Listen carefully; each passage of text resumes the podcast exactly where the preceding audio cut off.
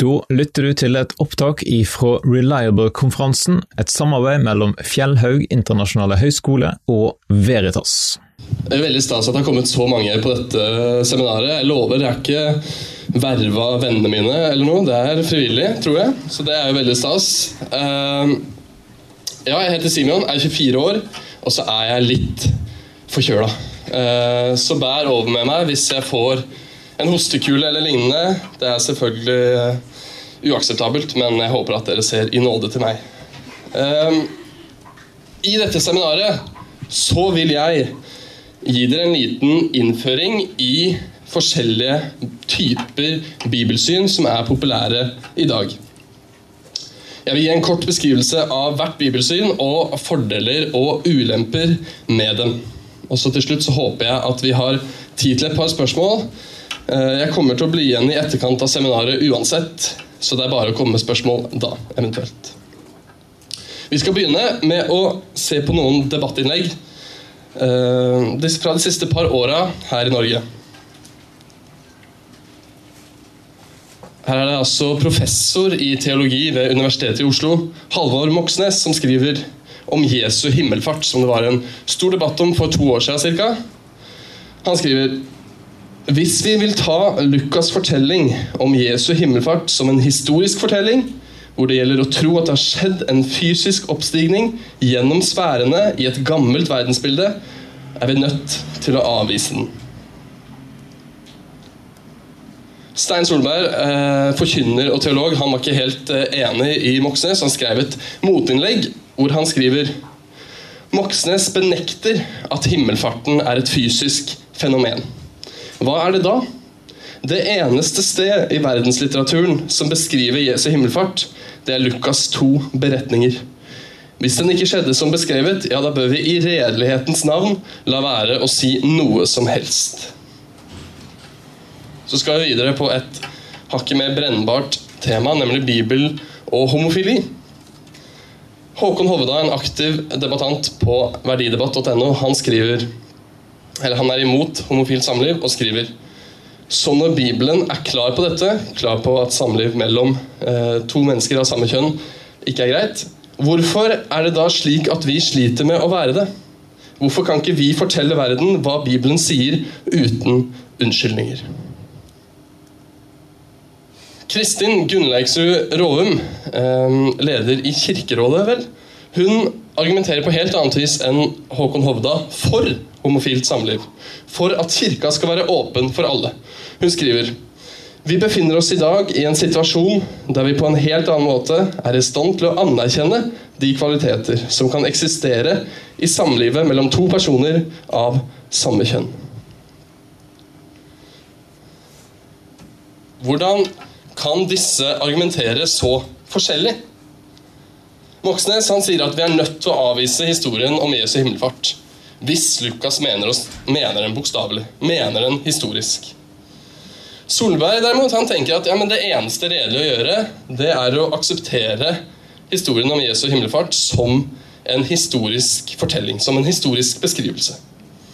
Hovda han mener at det ikke er noen tvil om hva Bibelen sier om homofilt samliv. Det er strengt tatt bare å åpne en bibel. Men Gunnleiksrud Råum hun argumenterer på et helt annet vis for homofilt samliv. Ikke ut ifra Bibelen selv, men av erfaring vi har fra homofile samliv. Min påstand er at det som ligger til grunn for disse argumentene, det som gjør at de argumenterer som de argumenterer, det er bibelsynet deres. Og noen ganger så er bibelsynet deres skjult, andre ganger så er det tydelig. Men bibelsynet er uansett avgjørende for argumentasjonen deres. Og Derfor så er det viktig at vi vet hva et bibelsyn er for noe, og hva slags forskjellige bibelsyn som eksisterer. Før vi går videre til de forskjellige bibelsynene her til lands, så må vi finne ut av en ting. Hva vil det si å ha et bibelsyn? Bibelsyn handler om hva slags syn og hva slags forståelse vi har av Bibelen. Hva slags bok er Bibelen? Hva tenker vi om Bibelen? Har Bibelen autoritet i våre liv i dag? Hvor mye skal Bibelen bety for vår etikk? Hva med historie, geografi? Hva med vitenskap? alle har et bibelsyn. For alle har noen forventninger som ligger til grunn før vi plukker opp en bibel. Noen ser på det som et religiøst historisk dokument, sånn som Koranen. Andre ser på det som Guds egne ord. Andre igjen vil være nølende til å si at det er Guds ord, men jo, det er kanskje mye bra å finne der likevel. Vi har alle et syn på Bibelen. Men så tror jeg at de fleste av oss har et litt uavklart syn. Et uavklart bibelsyn. Og jeg håper at mitt eh, seminar her kan føre til en bevisstgjøring rundt hva vi tenker om hva Bibelen er for noe. Kanskje vi kan finne ut hva slags bibelsyn vi selv har, og fordeler og ulemper med dette bibelsynet. Kanskje kan vi lettere forstå dagens teologiske debatt hvis vi selv er klar over at det finnes forskjellige bibelsyn, og at dette preger argumentasjonen som føres i debatter. Nå til noen eh, avklaringer. Jeg vil i dette seminaret presentere i alt fem bibelsyn. Fire av disse vil jeg forsøke å forklare grundig, og forsøke å identifisere fordeler og ulemper med. Og Det finnes mange måter å kategorisere bibelsyn på. Det er mange forskjellige måter, og det er mange som har prøvd å kategorisere ulike bibelsyn. Eh, det som ofte er, at hvis man, hvis man ser på disse kategoriseringene som finnes, så eh, er forfatteren som selv skriver, har ofte plassert sitt bibelsyn i midten som det mest balanserte og kanskje det beste. Det gjør at jeg ikke blir kjempehappy med de ulike kategoriseringene eh, som finnes der ute. og Derfor har jeg prøvd å lage min egen kategorisering. Eh, selv om det er sikkert noen som ikke vil sette pris på måten jeg har gjort det på heller. Eh, for problemet det er nemlig at det finnes veldig mange bibelsyn. Og enda mer, det finnes fryktelig mange nyanser innenfor et bibelsyn. Og fordi jeg bare har ca. 45 minutter til rådighet, så kommer jeg til å plukke ut de bibelsynene jeg mener er mest relevante, og så skissere de rimelig bredt. Og det sier seg selv at jeg ikke vil få plass til alle forbehold og alle nyanser. Og For at dere skal få noe å knytte disse bibelsynene opp mot, så har jeg lagt ved et bilde av en person eller en institusjon på hvert bibelsyn. Disse vil nok ha noen innvendinger. Eh, selv om de sikkert er enig i der jeg har plassert det, vil de ha noen innvendinger. De har lyst til å nyansere sin egen posisjon. Så ikke tenk at personen eller institusjonen som jeg har plassert under bibelsynet, har dette bibelsynet nøyaktig slik jeg beskriver det i dette seminaret. Ellers har jeg prøvd å unngå merkelapper som liberal, konservativ, og prøvd å gitt bibelsynene navn som kommuniserer godt, også til mannen på gata. Så da er det bare å begynne. Det første bibelsynet jeg har lyst til å presentere, det er Bibelen i en særstilling, men noe eller mye innhold må forkastes. Som jeg var litt inne på tidligere, så er det noen som har et bibelsyn der Bibelen bare er et religiøst historisk dokument på linje med alle andre historiske religiøse dokument. Det vil jeg ikke bruke tid på å eh, gjøre rede for, for det er eh, et bibelsyn som folk som ikke har det kristne livssynet, bekjenner seg til.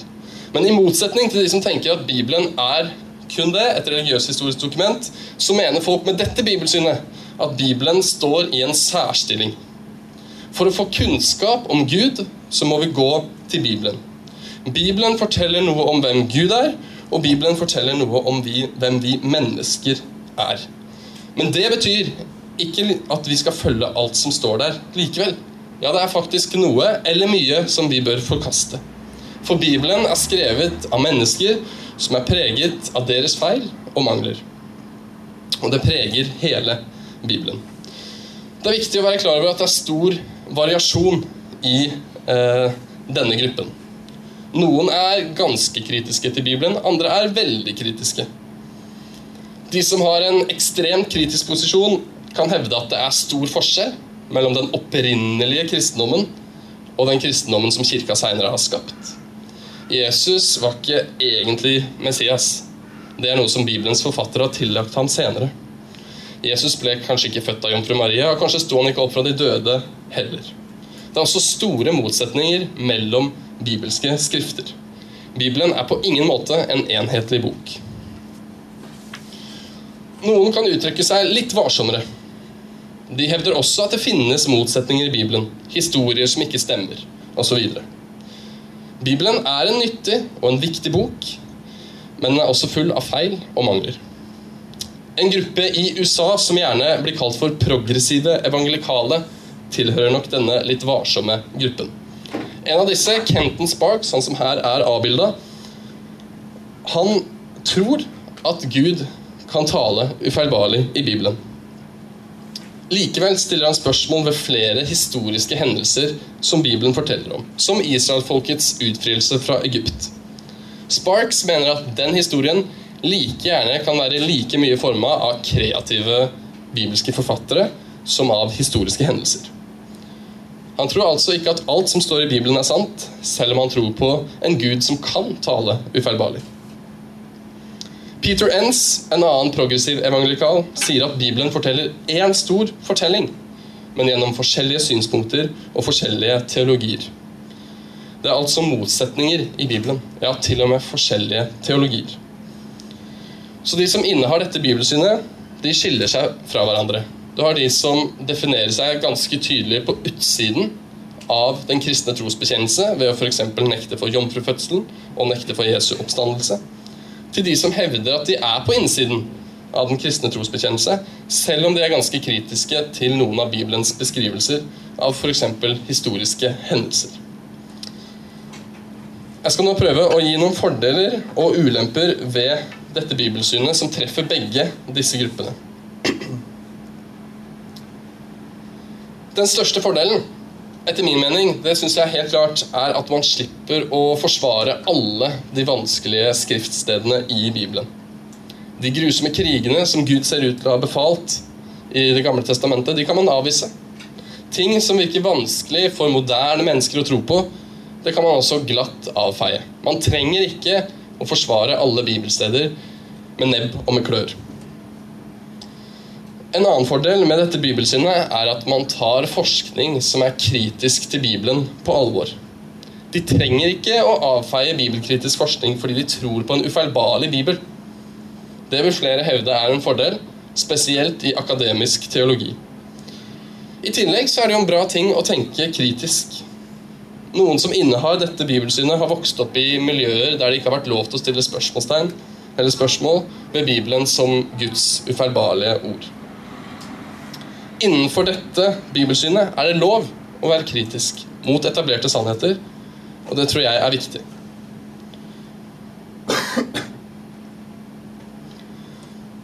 Selv om det er noen fordeler med dette bibelsynet, så er det også mange ulemper. For det første så får Bibelen lite autoritet i viktige spørsmål for kristne, som hvordan vi skal leve livene våre, ja, og for noen for hvordan frelsen foregår. Man kan jo da spørre seg hva skal ha autoritet i livene våre? Er det hva kirka tradisjonelt har stått for? Er det hva samfunnet i dag mener? Eller er det våre egne meninger? I tillegg så hadde Jesus et høyt syn på Skriften. Han sier selv at himmel og jord skal få gå, men mine ord skal aldri få gå. Og han bekrefter flere steder at Bibelen er autoritet, og at GT har autoritet. Hva gjør man med det? Skal man tenke at Jesus selv tok feil? Og hvor mye kan Jesus i så fall ha tatt feil hvis han fremdeles skal være vår Herre og vår Frelser? Et annet problem er at det er vanskelig å skille mellom det vi bør akseptere som sant og relevant for oss, og det vi bør avvise. Skal alt som er vanskelig å forstå, avvises? Blir ikke da Bibelen bare et speilbilde av oss selv og våre egne meninger?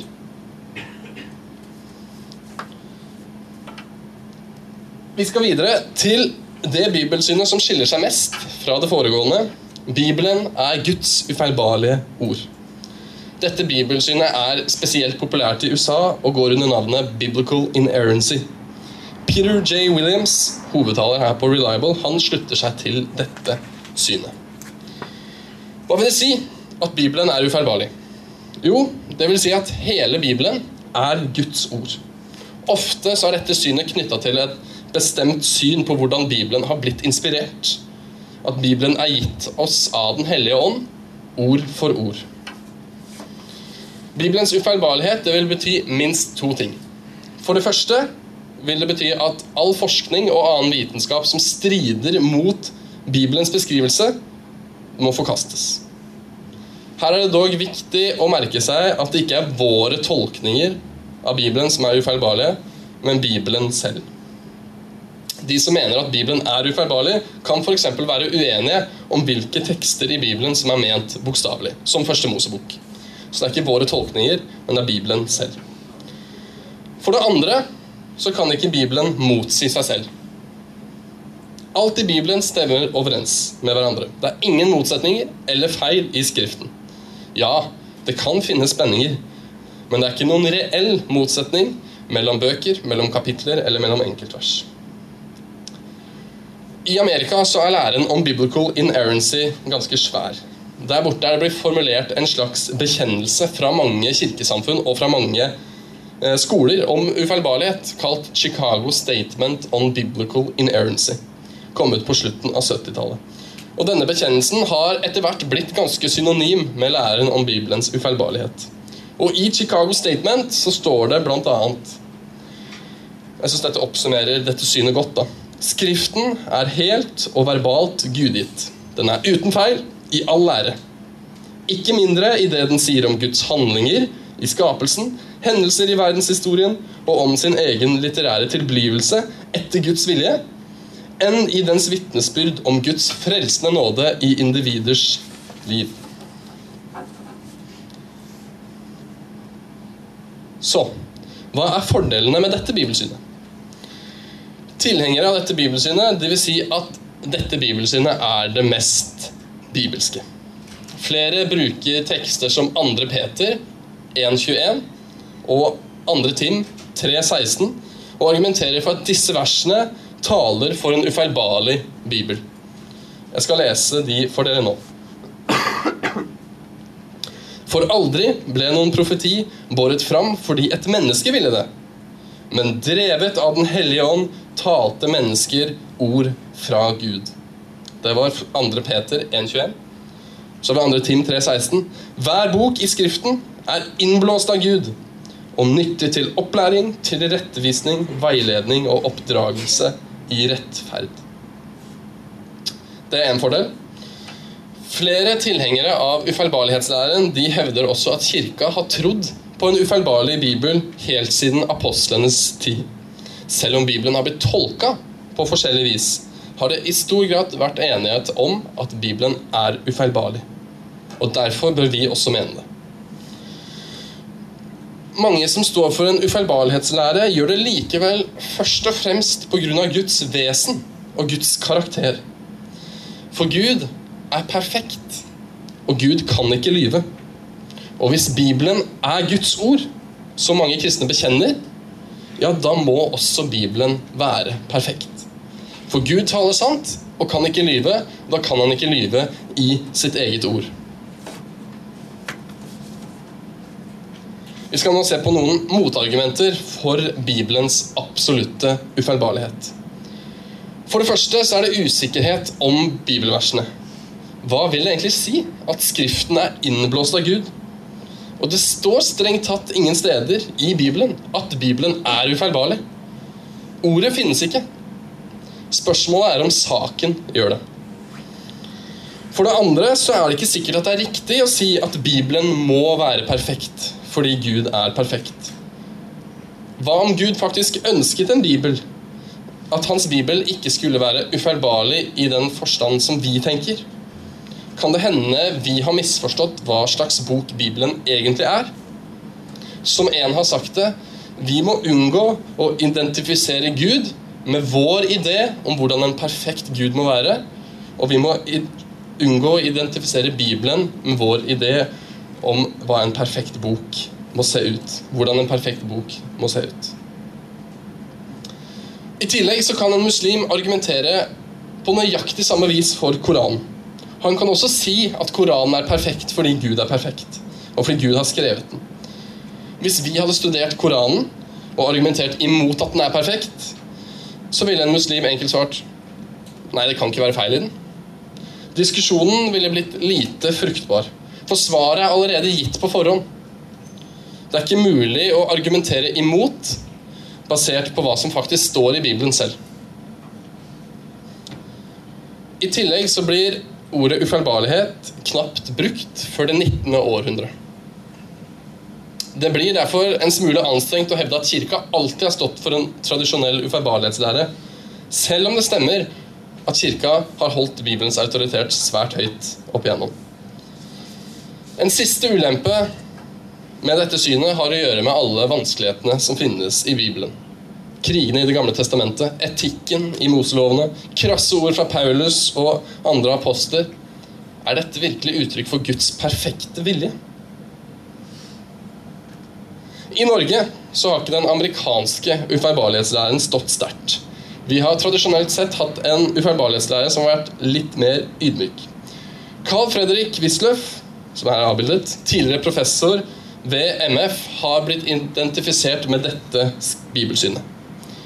I stedet for å hevde at Bibelen må være ufeilbarlig, sier Wisløff heller at man bør unngå å tale om feil i Bibelen, og heller la vanskelige spørsmål stå åpne. Wisløff ville nok vært enig i at Bibelen er ufeilbarlig, men Wisløff kjempet først og fremst mot det han ville kalt den liberale teologi. De som avskrev bibelske hendelser og beskrivelse fordi det moderne mennesket i dag vet bedre. Mange av de samme fordelene og ulempene gjelder også denne litt mer ydmyke ufeilbarlighetslæren. Men en ydmyk holdning det gjør at man kan eh, slippe noen av de mulige ulempene, som resonneringer av typen 'Gud er perfekt'. Derfor må også Bibelen være det. Det var om Bibelens ufeilbarlighet.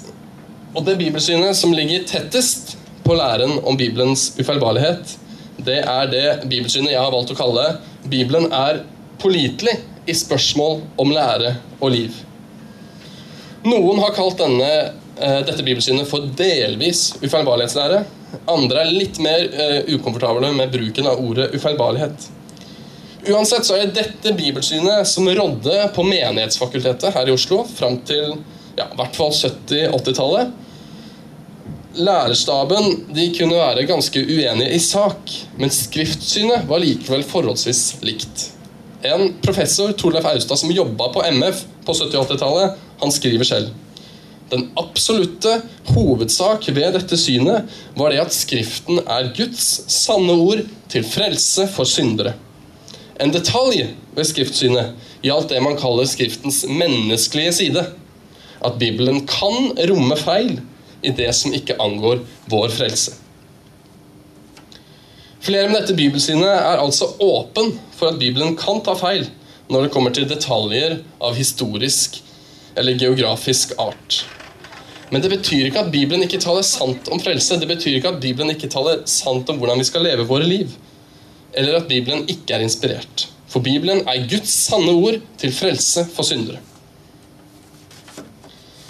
Også i dette skriftsynet så er det forskjeller innad. Noen vil nok ikke ha så store problemer med å si at ja, det fins noen feil i Bibelen som er uvesentlige, riktignok. Andre vil unngå å bruke ordet feil, men utelukker, utelukker, ikke på forhånd at det kan finnes feil der.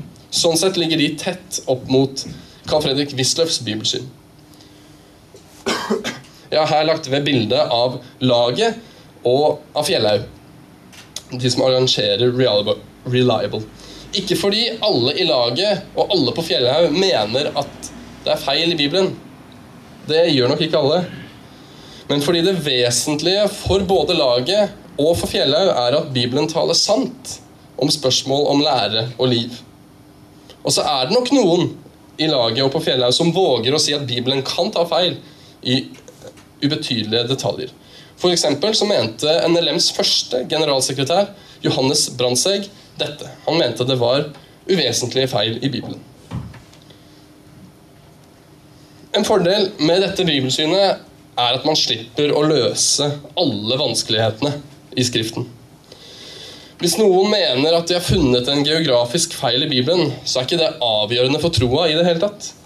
Med mindre det har med lære og liv å gjøre. En annen fordel er at man fortsatt holder Bibelens autoritet høyt. Man tenker at Bibelen er den høyeste autoritet for lære og liv. Man kan derfor si at dette bibelsynet ligger tett opp mot det kirka har lært, og det kristne ledere har ment i århundrer. En tredje fordel med dette bibelsynet er at det ligger tett opp til Bibelens eget vitnesbyrd om seg selv. Vi har allerede lest versene i 1. Peter, 2. Peter 1,21 og 2. Tim 3,16. Det er uenigheter om hvordan disse og andre vers skal tolkes, men det er liten tvil om at det finnes vers i Bibelen som gir Bibelen høy autoritet. Og det ivaretar dette bibelsynet. Likevel er det også knytta noen ulemper til dette synet. For hvor går grensa mellom det ufeilbarlige og det feilbarlige? Hva med spørsmål som er knytta til etikk?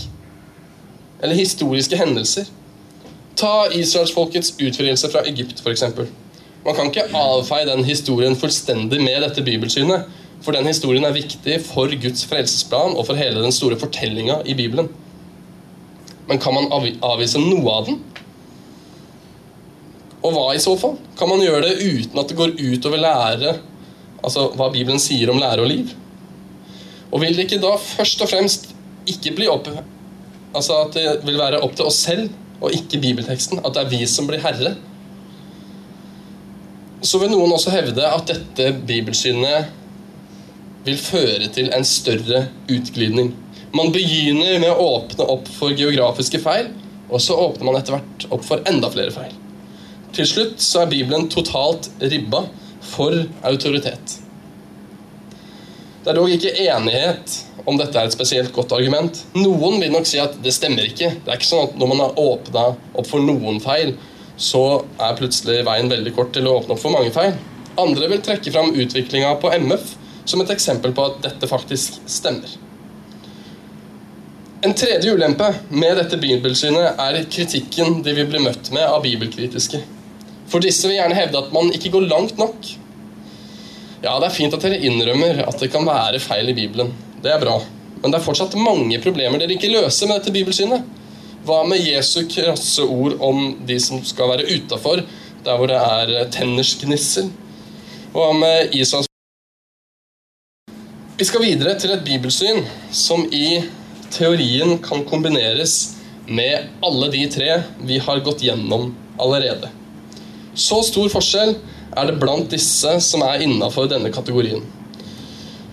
Grunnen til at jeg likevel har valgt dette bibelsynet som en egen kategori, det er fordi det er populært i Norge i dag. Og dette bibelsynet det kan kalles Bibelen som vitnesbyrd om Guds handlinger i historien. Atle Søvik Ottesen, professor på MF, og her avbildet, han sa til Vårt Land i 2013 Bibelen er troverdig så lenge den ikke leses bokstavelig fra A til Å, men heller som et vitnesbyrd om hvordan Gud gradvis har åpenbart seg mer og mer gjennom historien og endelig i Jesus. Så Guds åpenbaring den skjer i historien, fra første Mosebok til Jesus. Åpenbaringen er derfor ikke direkte tilgjengelig for oss i dag. Vi kan ikke gå rett til åpenbaringen. Gud er ikke borte, han handler fortsatt med verden. Men åpenbaringen som danner basis for den kristne tro og den kristne lære, den er avslutta i og med Jesus. Og for at vi skal få, at vi skal få tilgang til dette innholdet i åpenbaringen, så må det formidles til oss. Og dette skjer gjennom Bibelen. For de som innehar dette bibelsynet, er altså ikke Bibelen selve åpenbaringen. Bibelen er ikke åpenbaringen, men Gud åpenbarer seg gjennom historiske hendelser, som f.eks. inntagelsen av Kanan eller Jesu egen person. Og Det nye testamentet og Det gamle testamentet er menneskelige vitnesbyrd om disse åpenbaringene. Som med alle andre bibelsyn så finnes det fordeler og ulemper her også. Igjen er det en fordel at man slipper å forsvare alt som er vanskelig i Bibelen. Hvis Bibelen bare er et vitnesbyrd om Guds handlinger i historien, så kan det godt hende at vitnesbyrdet noen ganger er litt upresist, eller til og med feilaktig. Hvis Gud først og fremst blir åpenbart i den historiske personen Jesus, ja, da trenger man heller ikke å forklare alt som er vanskelig i Det gamle testamentet. I tillegg så tar dette bibelsynet den menneskelige delen av Bibelen på alvor.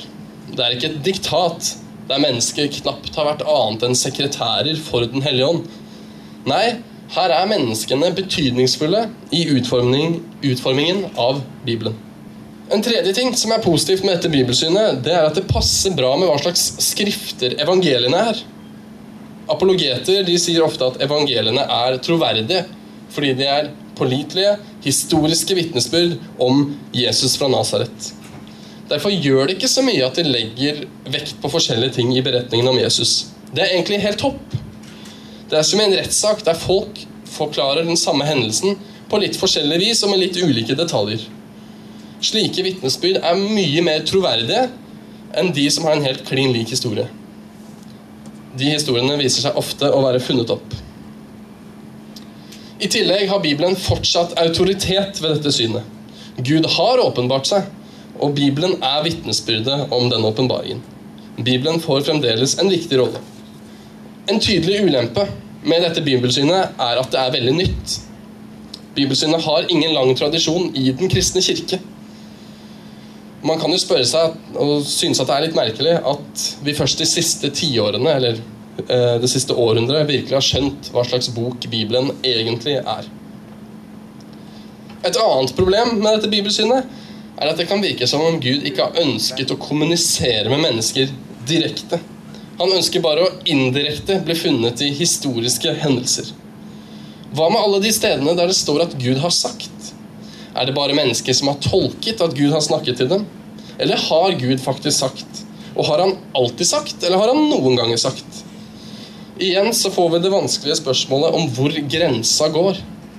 Når kan vi stole på at det er Gud som taler? Når kan vi stole på at vitnesbyrdet er troverdig? Og hva er det som skal bestemme det? Man kan også lure på hvordan profeter og læren om Bibelens inspirasjon skal få sin rettmessige plass innafor dette bibelsynet. Hva gjør man med de bibelversene jeg leste høyt i stad? Ser ikke de ut til å tillegge bibelske skrifter mer autoritet enn dette bibelsynet? At det er noe mer enn bare historiske vitnesbyrd fra mennesker? Det var fire ganske vanlige bibelsyn. Til slutt så har jeg lyst til å si noen ord om bibelsyn som er postmodernistiske.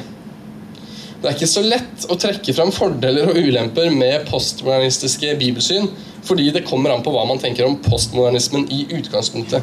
Og det er det ikke tid til i dette seminaret å gi en innføring om. Men jeg skal prøve å forklare hvordan de med postmodernistiske bibelsyn tenker. Når vi skal tolke Bibelen, så er mange av oss opptatt av hva forfatteren skrev, og hva forfatteren mente med det han skrev. Hva var det egentlig Paulus mente med at evangeliet er Guds kraft til frelse for hver den som tror? Vi ser på den historiske konteksten, og vi prøver å finne mest mulig ut om Paulus selv og om argumentasjonen han bruker for å finne svar. Vi forankrer bibeltekstens mening i hva Paulus som forfatter har ment med den teksten han har skrevet. Med postmodernismen så kom det en skepsis til denne tanken om at en leser virkelig kan finne ut hva en forfatter egentlig har hatt på hjertet. Så det er skepsis, skeptiske til at vi kan finne ut hva Paulus egentlig mente. Og dessuten så er det ikke så viktig. Har man en postmodernistisk tilnærming til Bibelen, så er det gjerne ikke hos Paulus man forankrer tekstens mening. Man forankrer tekstens mening hos leseren selv, vi som leser bibelteksten. Det er leseren som skaper mening i bibelteksten. Og Flere med et postmodernistisk bibelsyn de vil si at en tekst trenger ikke å bare ha én mening, men at hver leser kan finne sin egen mening gjennom å lese bibelteksten. Det vil altså si at jeg som er en 24 år gammel hvit mann fra Vesten, vil sannsynligvis ende opp med en helt annen forståelse av hva Paulus skriver, enn en 49 år gammel dame fra Zimbabwe. Eh, fordi hun leser teksten for første gang, f.eks. Vi vil sannsynligvis ende opp med helt forskjellige lesninger. Men det er ikke nødvendigvis noen av oss som har feil, eller noen av oss som har riktig lesning. For det er ikke forfatteren, det er ikke Paulus som bestemmer hva slags mening en tekst har. Det er det vi som leser teksten, som gjør. For mennesker med et postmodernistisk bibelsyn er Bibelen en bok som muliggjør flere forskjellige lesninger, og det er leseren selv som skaper meningen. Noen synes at en postmodernistisk tilnærming til Bibelen det fjerner all mening og all sannhet fra Bibelen selv. Mens andre mener at man tar mer på alvor hva en tekst faktisk er, og mener at dette er en fruktbar måte å tolke Bibelen på for at den skal være relevant i vårt samfunn i dag. Jeg har nå gått gjennom fire-fem bibelsyn. Jeg har forsøkt å forklare det grundig, trekke frem fordeler og ulemper ved dem, for det er det ved alle. Og min påstand det er som sagt at bibelsynet man har, det er avgjørende for hvordan man argumenterer i en debatt. Likevel vil jeg til slutt si at bibelsynet ikke er alltid det som bestemmer hvorfor man ender opp med forskjellige konklusjoner. Man kan ha et nokså likt bibelsyn, men likevel ende opp helt forskjellige steder, basert på hva man tenker om kirkehistorie, om etikk, egne personlige erfaringer, ulike tolkninger av bibeltekster osv. Og argumentasjonen til Moxnes og til Solberg, til Råum og til Hovda, som jeg viste i begynnelsen av seminaret, det avhenger av deres bibelsyn. Det mener jeg. Og det blir spesielt tydelig etter min mening når Moxnes han har ikke noe problem med å avvise Lukas hvis Lukas mener å fortelle en historisk hendelse om Jesu himmelfart. Han, for han er ikke det et problem. Mens for Solberg så er det tydelig et problem. Hvis ikke Lukas faktisk har ment å skrive en historisk hendelse, så er det ikke noen grunn til å høre på Lukas i det hele tatt. Vi må fastholde en historisk lesning. Men bibelsynet deres er ikke den eneste grunnen til at de argumenterer som de argumenterer, og at de lander på forskjellige konklusjoner. Teologisk debatt er betydelig mer komplisert og kompleks enn som så. Uansett så er det viktig at vi forstår hva et bibelsyn er, og at det finnes mange forskjellige bibelsyn. Det kan ofte forklare uenigheter i den teologiske debatt. Og så må vi selv prøve å finne ut ja, hva slags bibelsyn har jeg, hva slags bibelsyn vil jeg ha, og så må vi prøve å gjennomføre det noenlunde konsekvent.